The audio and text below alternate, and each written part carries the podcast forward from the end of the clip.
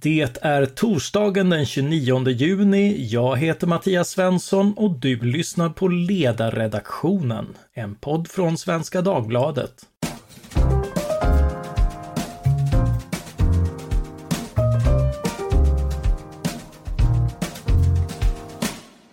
Dagens ämne är de amerikanska demokraternas radikalisering.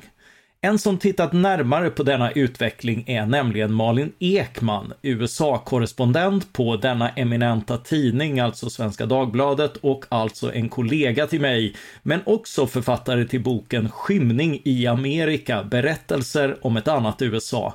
Välkommen Malin! Tack så jättemycket! Kul att vara med. Det är kul att ha dig med. Eh, vad fick dig att skriva den här boken?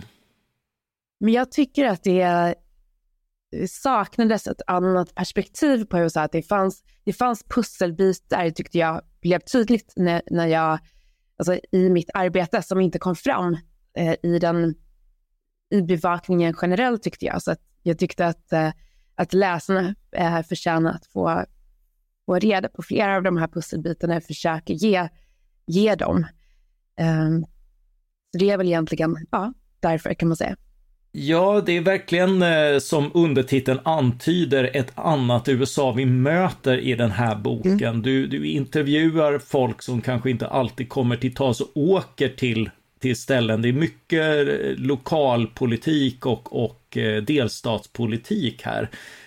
Och den handlar om USAs utveckling och mycket om politiska frågor, men däremot väldigt lite om USAs ex-president Donald Trump Eh, vilket vi förstås måste nämna. Hur kommer det sig?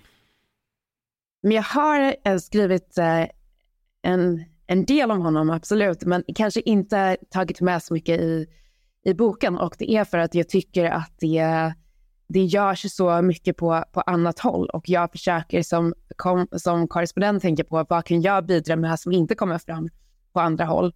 Och då tycker jag att det här um, ja, men det som du beskriver, att jag har eh, rest till andra delstater, tittat på, på demokratisk politik och hur den har utvecklats, hur den påverkar samhällen. Det, alltså jag har valt att fokusera på det. Inte för att jag inte tycker att det är viktigt att skriva om Trump, utan, utan för att eh, jag tycker att det här, det fanns helt enkelt, eh, tycker jag, för lite av det här. Mm. Så du fokuserar istället på demokraternas utveckling, framför allt i svallvågorna efter George Floyd omkommit under ett polisingripande den 25 maj 2020. Eh, det har påverkat allt från brottsbekämpning till skolan. Och om vi börjar med brottsbekämpningen, kan du ge några exempel på vad som hänt? Ja, eh, ett tydligt exempel är ju att att i den här Black Lives Matter-rörelsen, som ju faktiskt äh, fanns innan och var känd även i Sverige i, äh, före Floyds död. Ehm, men i den så, så fanns de här mer ehm, radikala kraven på att, att äh, reformera polisen och att nedmontera polisen på sina, sina håll. Och det här, delar av de här kraven ähm, utvecklades då till politiska Eh, förslag och, och infördes då i vissa eh, delstater. Eh, och det, det har man ju då sett, det skriver jag om i, i boken, alltså effekterna av det, till exempel ehm, att när, när man eh, minskat eh, på resurserna till polisen så, så har, eh, kanske inte så förvånande då, brottsligheten ökat och människor har känt sig mer otrygga och speciellt de som, som redan var utsatta och de som, som rörelsen sa sig vilja hjälpa, inte minst. Eh, så det är ett exempel.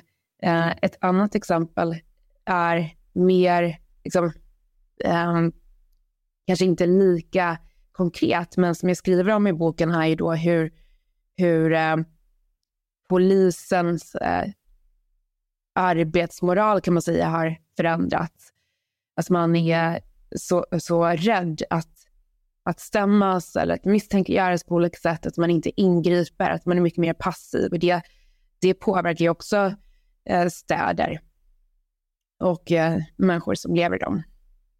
Mm, du har exempelvis besökt eh, San Francisco i, i Kalifornien som ju är en traditionellt väldigt progressiv delstat. Ja, eh, där och där, vissa av de här, alltså, eh, San Francisco har ju varit progressiv som du säger långt före mm. eh, eh Black Lives Matter-rörelsens kulmen. Men det man kan, eh, alltså det jag tittat på där, och faktiskt så, så var det här någonting som infördes redan tidigare, men att man, man, eh, man avskaffade straffplikten för stöld upp till 1000 dollar och det som hänt är ju förstås då att den sortens mindre allvarliga eh, brott som skapar stor otrygghet ändå har ökat och att alltså, butiker stänger ner, droghandeln sker väldigt öppet. Det är också andra brott som man har valt att inte lagföra i, i nästan någon utsträckning alls. Eh, och det medförde då att eh, distriktsåklagaren fick, att, att helt enkelt att invånarna som röstat fram honom avsatte honom och han ersattes med en, en mer, eh, mer av en mittenkandidat. Och så det är ett tydligt exempel också på den progressiva politiken och hur progressiva väljare faktiskt kanske sympatiserar med den i teorin men inte i, i praktiken när man ser konsekvenserna av den. Botox Cosmetic, out of botulinum toxin A, FDA approved for over 20 years. So, talk to your specialist to see if Botox Cosmetic is right for you.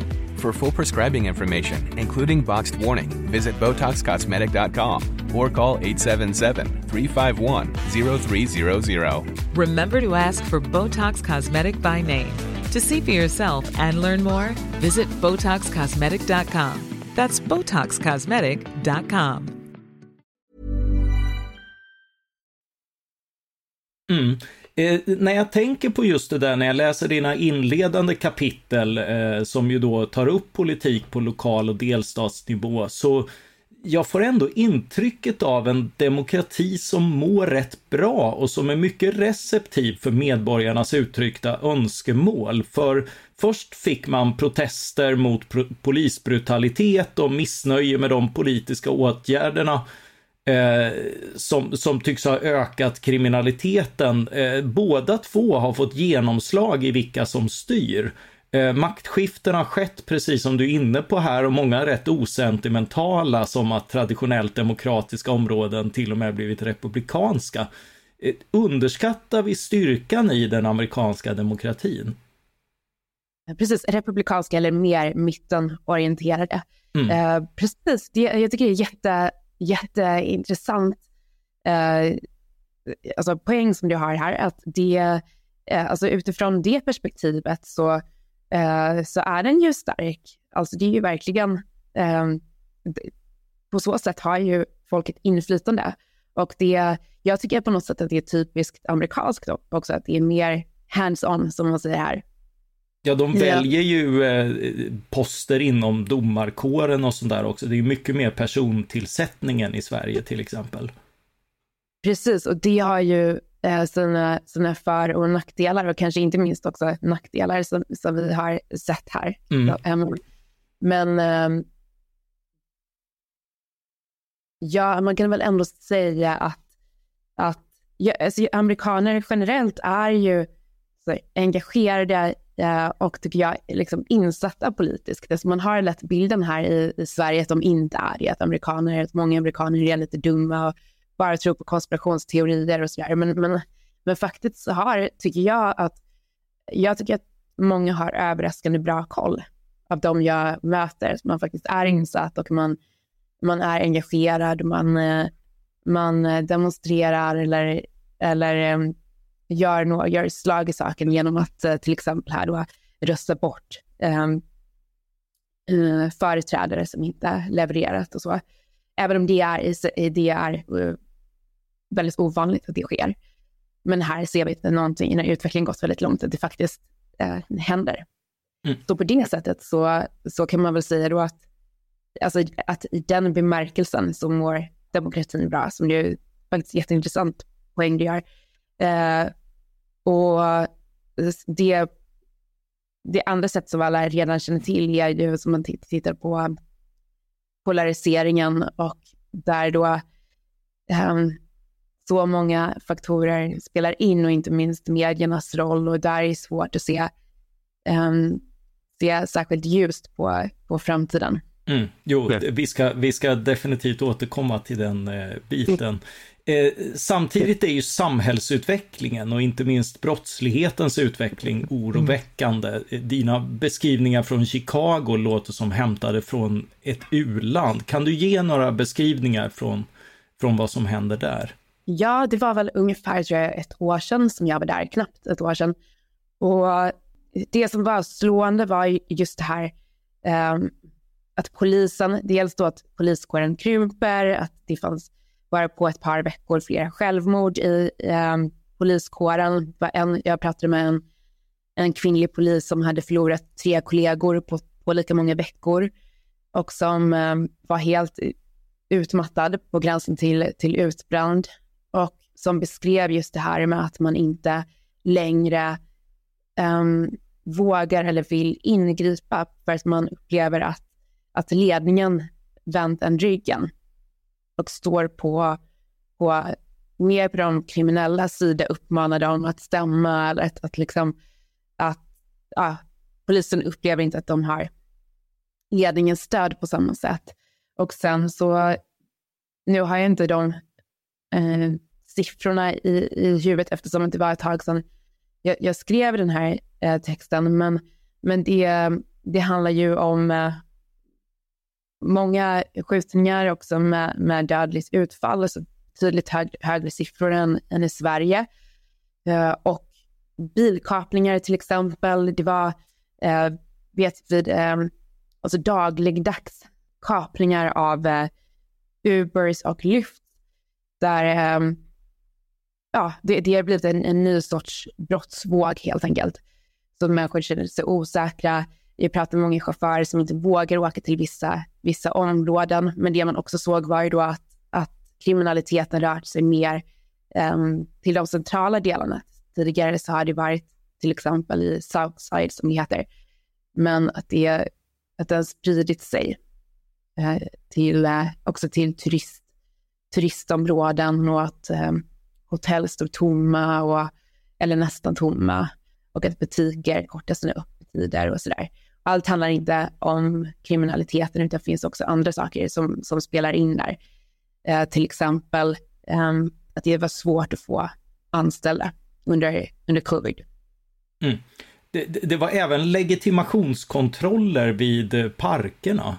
Just det, precis. Att man, man spärrade av eh, en centralt eh, belägen park för att, då, för att kunna kontrollera så att, så att människor inte bär vapen som tar sig in i parken. För att ja, kunna garantera medborgarnas säkerhet. Och minderåriga under 18 fick inte vistas där utan målsmans sällskap. Precis. Och, och det var för deras egen trygghet, eller hur?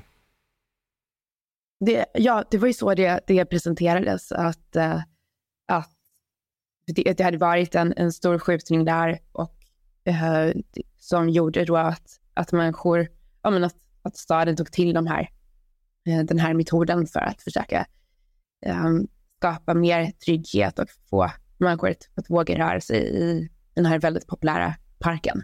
Jag gjorde ju för omkring tio år sedan intervjuer om och läste böcker om hur brottsligheten minskat i USA och främst New York under decennier sedan 1990-talet. När vände utvecklingen och vet vi något om varför? Det är säkert olika faktorer som som spelar in förstås och det jag fokuserar på i boken i flera exempel är ju hur, hur progressiv politik spelat in i det här. Um, till, inte minst då på, på västkusten. Uh, sen om man tittar på New York så såg man ett, en ökad brottslighet efter covid. Och det kan man ju uh, fråga sig då varför, varför det det skedde. Det var ju alltså, flera saker, som, det var en väldigt omvälvande period med många saker som, som hände samtidigt med en stor utflyttning från New York. Det var eh, tomt i stora delar av staden. Eh, alltså, den sociala misären blev synligare och otryggheten, alltså den upplevda otryggheten ökade, men också då antalet skjutningar och allvarliga eh, brott. Och eh, alltså en sak som, som många eh, konservativa gärna tar upp är då att, att man släppte ut New Yorkers från um, Rikers Island och andra ställen. Um, Fängelser alltså? Ja, ja fängelset, precis uh, på grund av, alltså, av um, um, alltså hälsoskäl för att smittan, um, att, det, att det var uh, farligt av liksom, smittoskäl att, att vara kvar. Eh, och det är någonting som, som um, många menar påverkat. Eh, sen kan vi också förstås prata om större saker som, som den stora ojämlikheten och sådär. Och, och det får väl eh, eh, andra som experter komma fram till varför det har blivit så. Eh, men det man, man såg var att det var en, en, en, en, en väldigt kraftig eh, brottsuppgång efter covid. Mm dina reportage sker ju under pandemin, många av dem som, som finns i den här boken. Och man kan säga att vänster och höger hamnade i lite omvända positioner mot hur det blev här i Sverige. Eh, det var ju väldigt dramatiskt, men finns det några bestående politiska avtryck av just pandemin? Du är ju inne på, på en effekt med brottsligheten här, men finns det andra? Ja, men en politisk effekt är ju att man fortfarande eh, pratar så mycket om det. Alltså om, man, om vi tittar nu på alltså den kommande valrörelsen så ser det ut som att, eh, att både demokrater och republikaner kommer att, att tala om, eh, om covid och vilka beslut som fattades och om de fattades på rätt grunder eller inte. Och eh, vi har ju då eh, Robert Kennedy, den demokratiska kandidaten som ju oftast, eh, ofta beskrivs här som en konspirationsteoretiker men som också har eh, Eh, i, i alla fall då delvis eh, liksom legitima invändningar mot, eh, då liksom faktabaserade invändningar mot hur, hur eh, pandemin sköttes eh, från, eh, från eh, olika håll, alltså politiskt men också eh, från eh, de här läkemedelsbolagen och, och andra. Eh, och, eh, och liksom myndigheternas eh, enorma inflytande och sådär. Så det är någonting som, eh, som han talar mycket om och också DeSantis då som gärna eh, beskriver Florida som ett, eh, ett föredöme och som ju går till val på att, att, att prata om hur, alltså om, om Florida som en sorts skiss för hur hela USA skulle kunna se ut. Så i den politiska diskussionen så, så lever ju absolut covid kvar. Vi har också frågan om virusets ursprung och utredningar kring det och om man, huruvida man kommer släppa underrättelseinformation om, om eh, alltså med uppgifter kring det. Eh, men sen har vi också förstås då alltså de olika, alltså vi var inne på, de, de, eh, den politik som infördes efter covid, efter påtryckningar från rörelser som då var, eh, som möjliggjordes av, av covid. Alltså hela eh, den här Black Lives Matter-rörelsen hade ju att göra med dels då att, att svarta och icke-vita drabbades opro, oproportionerligt hårt av covid, inte, alltså det, alltså, inte bara av viruset utan också av alltså, ekonomiska konsekvenser. Så det fanns en upptäckt frustration där när, när, när eh, mordet kom? Absolut, så var det. Och, precis. Så, och, och sen då också att många hade förlorat sina arbeten. Det, var, alltså, det, det fanns möjlighet att, att demonstrera på det sättet. Mm. Även om det faktiskt, om stora folksamlingar faktiskt egentligen inte var tillåtna. Så det var intressant att man faktiskt, att myndigheterna ändå var positiva till, till det här. Den politik som infördes lever ju eh, också kvar på sina håll och har ju påverkat samhället. Så det um, så covid har påverkat på, på olika sätt. Mm det är ett långt hopp till elitskolor på Manhattan, men även de påverkades kraftigt av protesterna efter George Floyds död, vilket du gjorde ett reportage om. Hur, hur yttrade det sig? Ja, precis. Eh, på det sättet att eh, alltså det, som, det som skedde, det, var, det tycker jag också är intressant i, i boken, att eh, jag var intresserad av den amerikanska vänstern redan eh, före 2020. Och där eh, i början så följde jag Sanders kampanj och Warrens och då pratar man ju mycket om den ekonomiska ojämlikheten och det gör även många amerikaner som är betydligt mindre vänster eller, eller till, och med inte vänster. Alltså man, man ser verkligen ojämlikheten som ett stort problem och den blev ju betydligt större också under, eh, under pandemin. Eh, men det som hände var ju att man, man övergick till att prata Ehm, mer om strukturell rasism och det var eh, med, med de glasögonen som man såg på i princip allt. Så allt från storföretag till, till eh, förskolor implementerade ehm, en eh, ibland då ja, delvis radikal ideologi i, i, eh, i undervisningen eller i olika företagspolicies och sådär.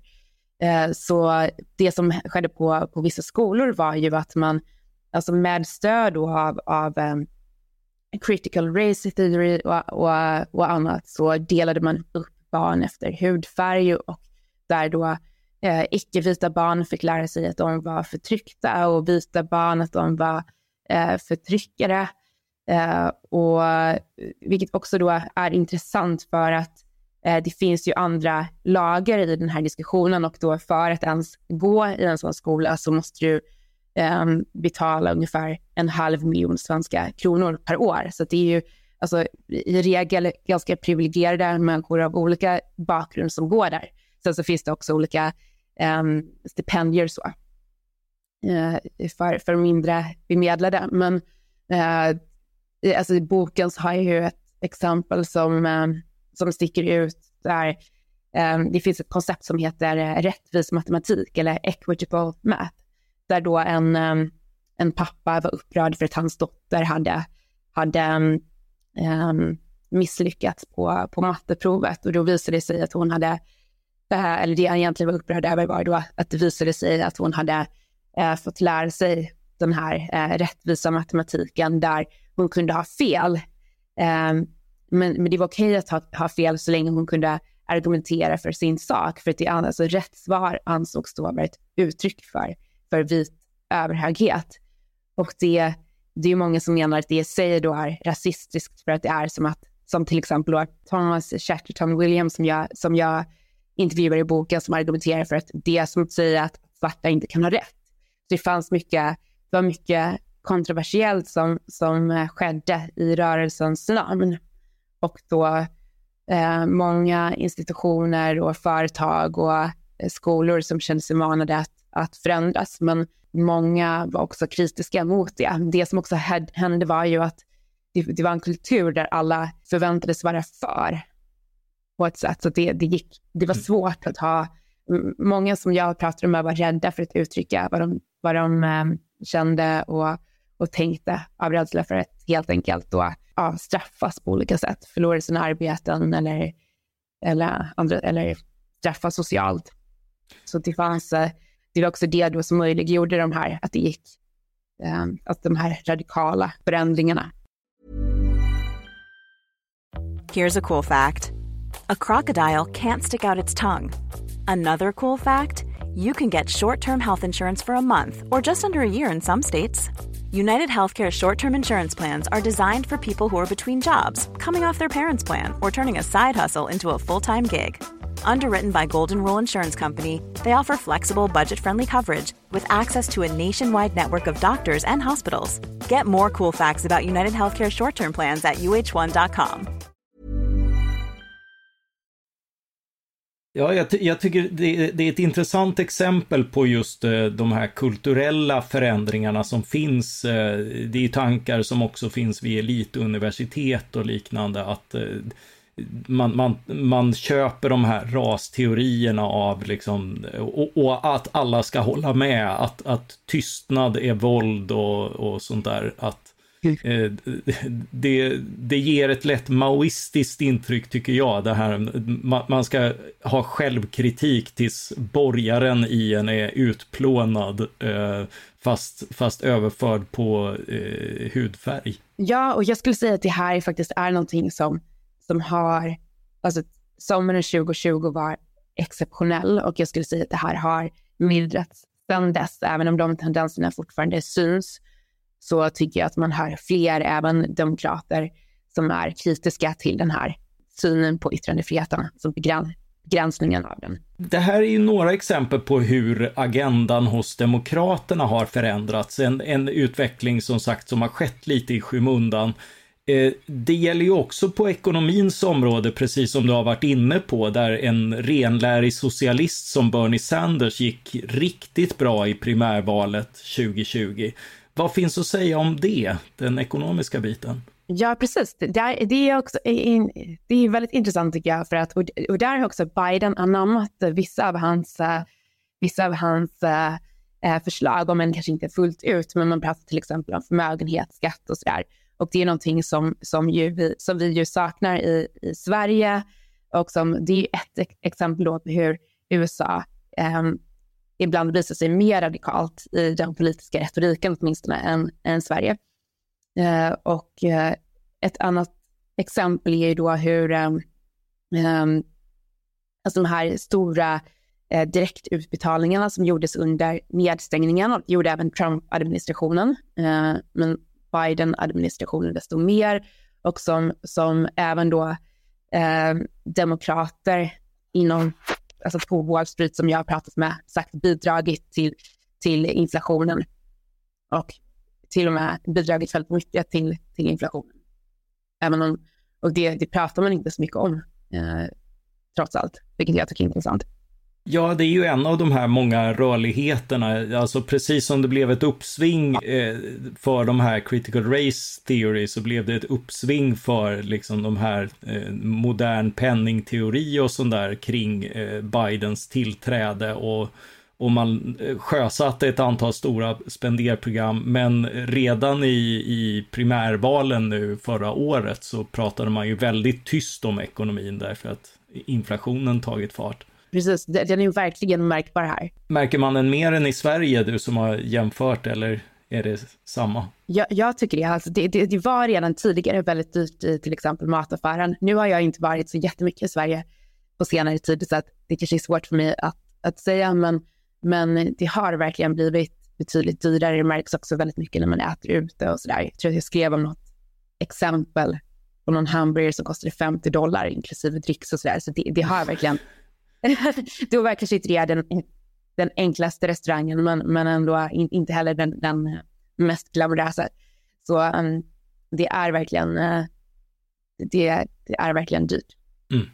Eh, en annan fråga rör yttrandefriheten. Du har varit inne på det och inte minst synen på sociala medieplattformar. Hur har Demokraternas inställning förändrats på det här området? Alltså jag, jag har sett lite mer alltså generellt att jag tycker att, att man talar om det på ett annat sätt och att, med, att, att även demokrater är, är eh, kritiska till det här, liksom den här väldigt, eh, alltså till att strypa yttrandefriheten på det sätt som, som gjordes eh, 2020 och, och även därefter.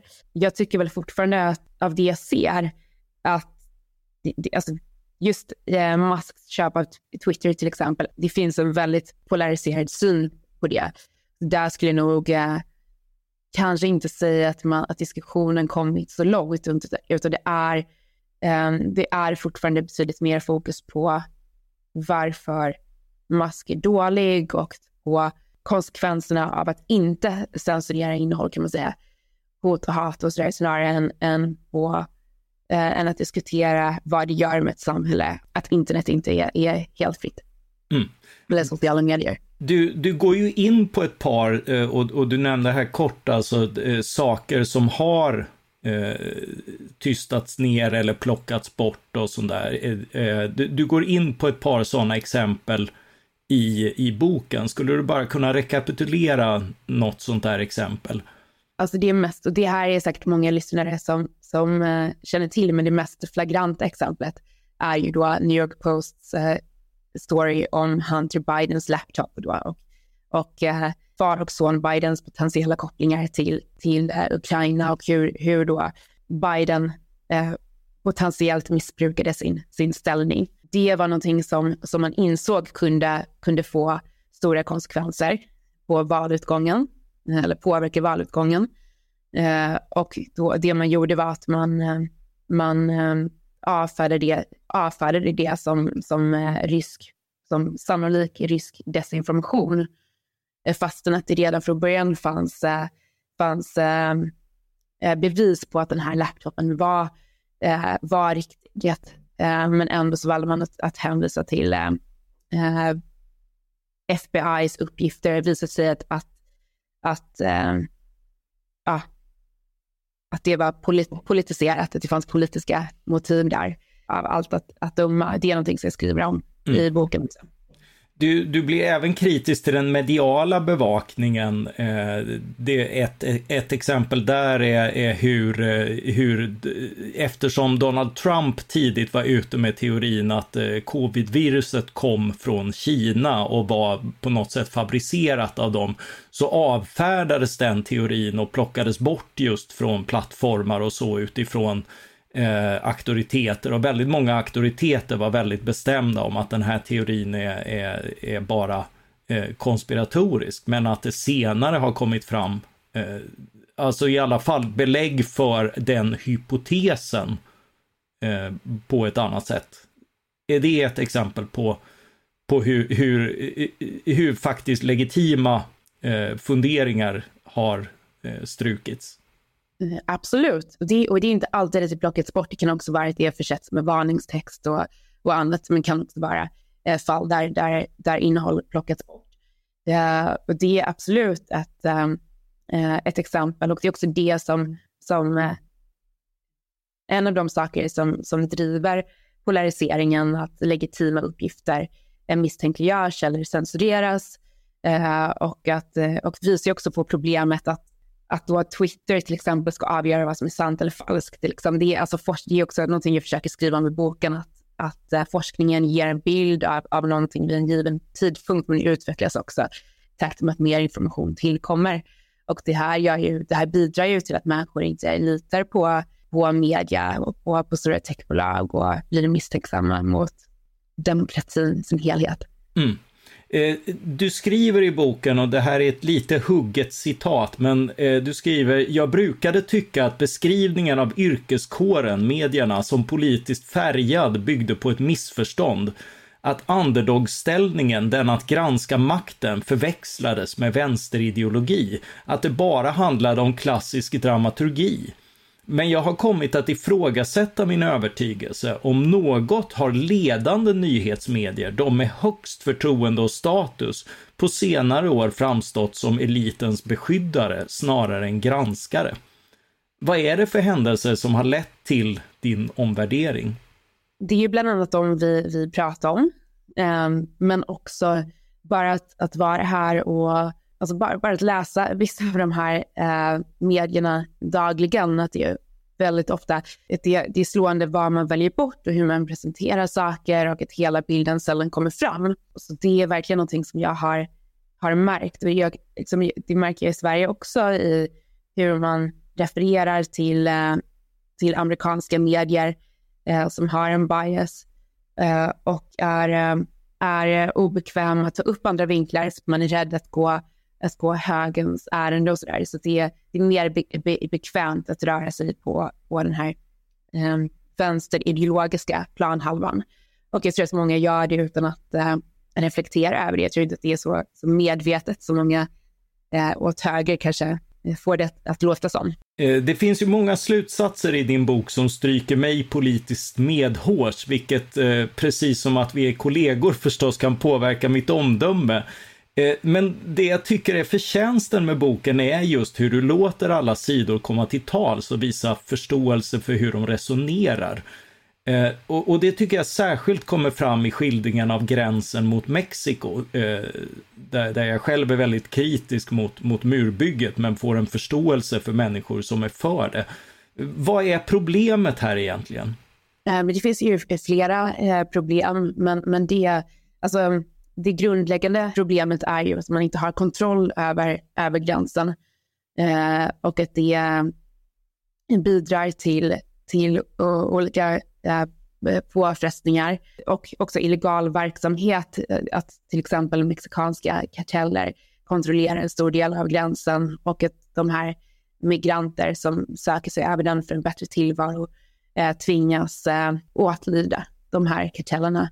Och eh, betala. Eh, det här är människor som inte har så mycket eh, pengar, man tjänar eh, sällan bra i de här länderna, en extrem skillnad mot, mot amerikanska nivåer. Och där man, kan man inte betala så får man stå i skuld. De här kartellerna tar reda på var din familj bor och utsätter migranter för hot. Och i, i, i många fall så, så alltså, det finns ju direkta kopplingar också till det vi ser på, på västkusten där, som jag också har rapporterat om med, med um, försäljningen av opioider. Du har ju läst om Purdue Pharma och hur, hur de eh, varit bovar. Men det finns också eh, alltså, droger som tillverkas eh, illegalt i eh, underjordslaboratorium i, eh, i Mexiko som då säljs av, av migranter som kontrolleras av karteller och som, som står i skuld till dem och då skriver till och med formella kontrakt. Det är ett exempel också på hur, eh, varför det är viktigt då att, att migrationen eh, sker eh, lagligt. Alltså, diskussionen handlar ju egentligen mer då om, om att hur gränsen ska, eh, hur stort problem det här är och vad som borde göras åt det. Mm. Eh, eh, och, och, man får fram så många nyanser, inklusive när du är i Florida tror jag det är med exilkubaner och sånt där som ju har en stor sympati för de som flyr från Kuba, Venezuela och, och andra länder med, med socialistiska regeringar och just därför försöker lämna de villkoren. Och, och då, de, de är emot hur det, hur det inte fungerar när människor kring hur människor tar sig in, men de tycker egentligen att de borde få komma, om jag har förstått. Mm. Ja, alltså det, det, handlar, liksom, frågan handlar ju eh, mer om hur migrationen kan, kan ske eh, säkert. Eh, sen såklart att det också finns de som, som eh, inte vill ta emot eh, migranter. Eh, men men eh, det, och, det, är också, alltså, det är också väldigt tydligt eh, när man är på plats där i de här alltså, ehm, de här samhällena precis vid gränsen, hur de påverkas av migrationen i sin, sin vardag. Eh, jag pratade till exempel med en, eh, en, en kvinna som, som själv har eh, eh mexikanska föräldrar och som, eh, som undrar om hon inte hade, om hon inte var född i Mexiko själv också. Jag hade ett par exempel och det är klart att de vill att människor ska få samma chans som de själva, men, men reagerar då mot, ja, det till exempel i det här fallet så mötte jag en kvinna som hade fått ja, det var många som sprungit utanför hennes hem och sparkat på hennes dörr. Det hade kommit upp människor ur eh, eh, brunnslock. Uh, och hon var orolig för att hon visste inte vilka som, som tillhörde kartellerna eller inte gjorde det. Det som var säkert var ju att de hade kommit eh, illegalt. Men det är många, det är absolut inte så att alla som kommer illegalt är kriminella. Uh, utöver då att det inte är lagligt att, att ta sig över illegalt. Men, men jag har träffat uh, många människor som verkligen vill eh, verkligen, verkligen vill göra rätt för sig. Eh, men som inte upplever att de har något annat alternativ än att, att ta sig över gränsen illegalt. Mm. Eh, slutligen, vad i den här boken ser du fram emot att följa upp framöver i nya reportage? Uh, vi tror att just de här frågorna som, uh, som rör kulturkriget och sådär är viktiga för att de är liksom viktiga valfrågor som, som berör människor eh, och som, eh, som människor bryr sig verkligen om de här frågorna. Det är inte, det är inte som att det bara är någonting som man, man skriver om på kultursidor eller debattsidor. Så därför tror jag att, att det är viktigt att fortsätta rapportera om dem, men det är inte som att jag bara, bara kommer göra det. Eh, men, men jag kommer absolut att hålla i dem även, även framåt. Och det är till exempel de här, eh, alltså dit hör väl både migration och, eh, eh och liksom den här kontroverserna kring rasteori och liknande. Ja, precis. Och det dyker också upp nya, nya saker på det här temat. Det kan ju ha med eh, transfrågor att göra, transatleter till exempel, eller, eller företag och hur de tar ställning för eller emot politiska frågor och, och sådär. Det är intressant att fördjupa sig i det tycker jag. Ja, ja du gör ett bra jobb att beskriva eh, om vi nu ska klia varandras ryggar, men, men du gör ett väldigt bra jobb att beskriva just det här dilemmat för företag, för det är verkligen hur de än vänder sig så, så är det någon som blir arg. Eh, tack så mycket Malin Ekman för att du var med oss idag. Tack själv. Malin Ekman, USA-korrespondent i SvD och författare till boken Skymning i Amerika alltså. Eh, tack också till alla er som har lyssnat. Blev ni trumpna på att vi kritiserade Demokraterna som omväxling och tycker att vi borde abortera sådana ambitioner? Eller borde vi bygga en mur runt detta framgångsrika programformat och låta er betala för det? Maila till oss på ledarsidan svd.se. Ledarsidan svd.se. Producent för det här avsnittet var Jesper Sandström. Jag heter Mattias Svensson och jag hoppas att vi snart hörs igen. Tack för den här gången.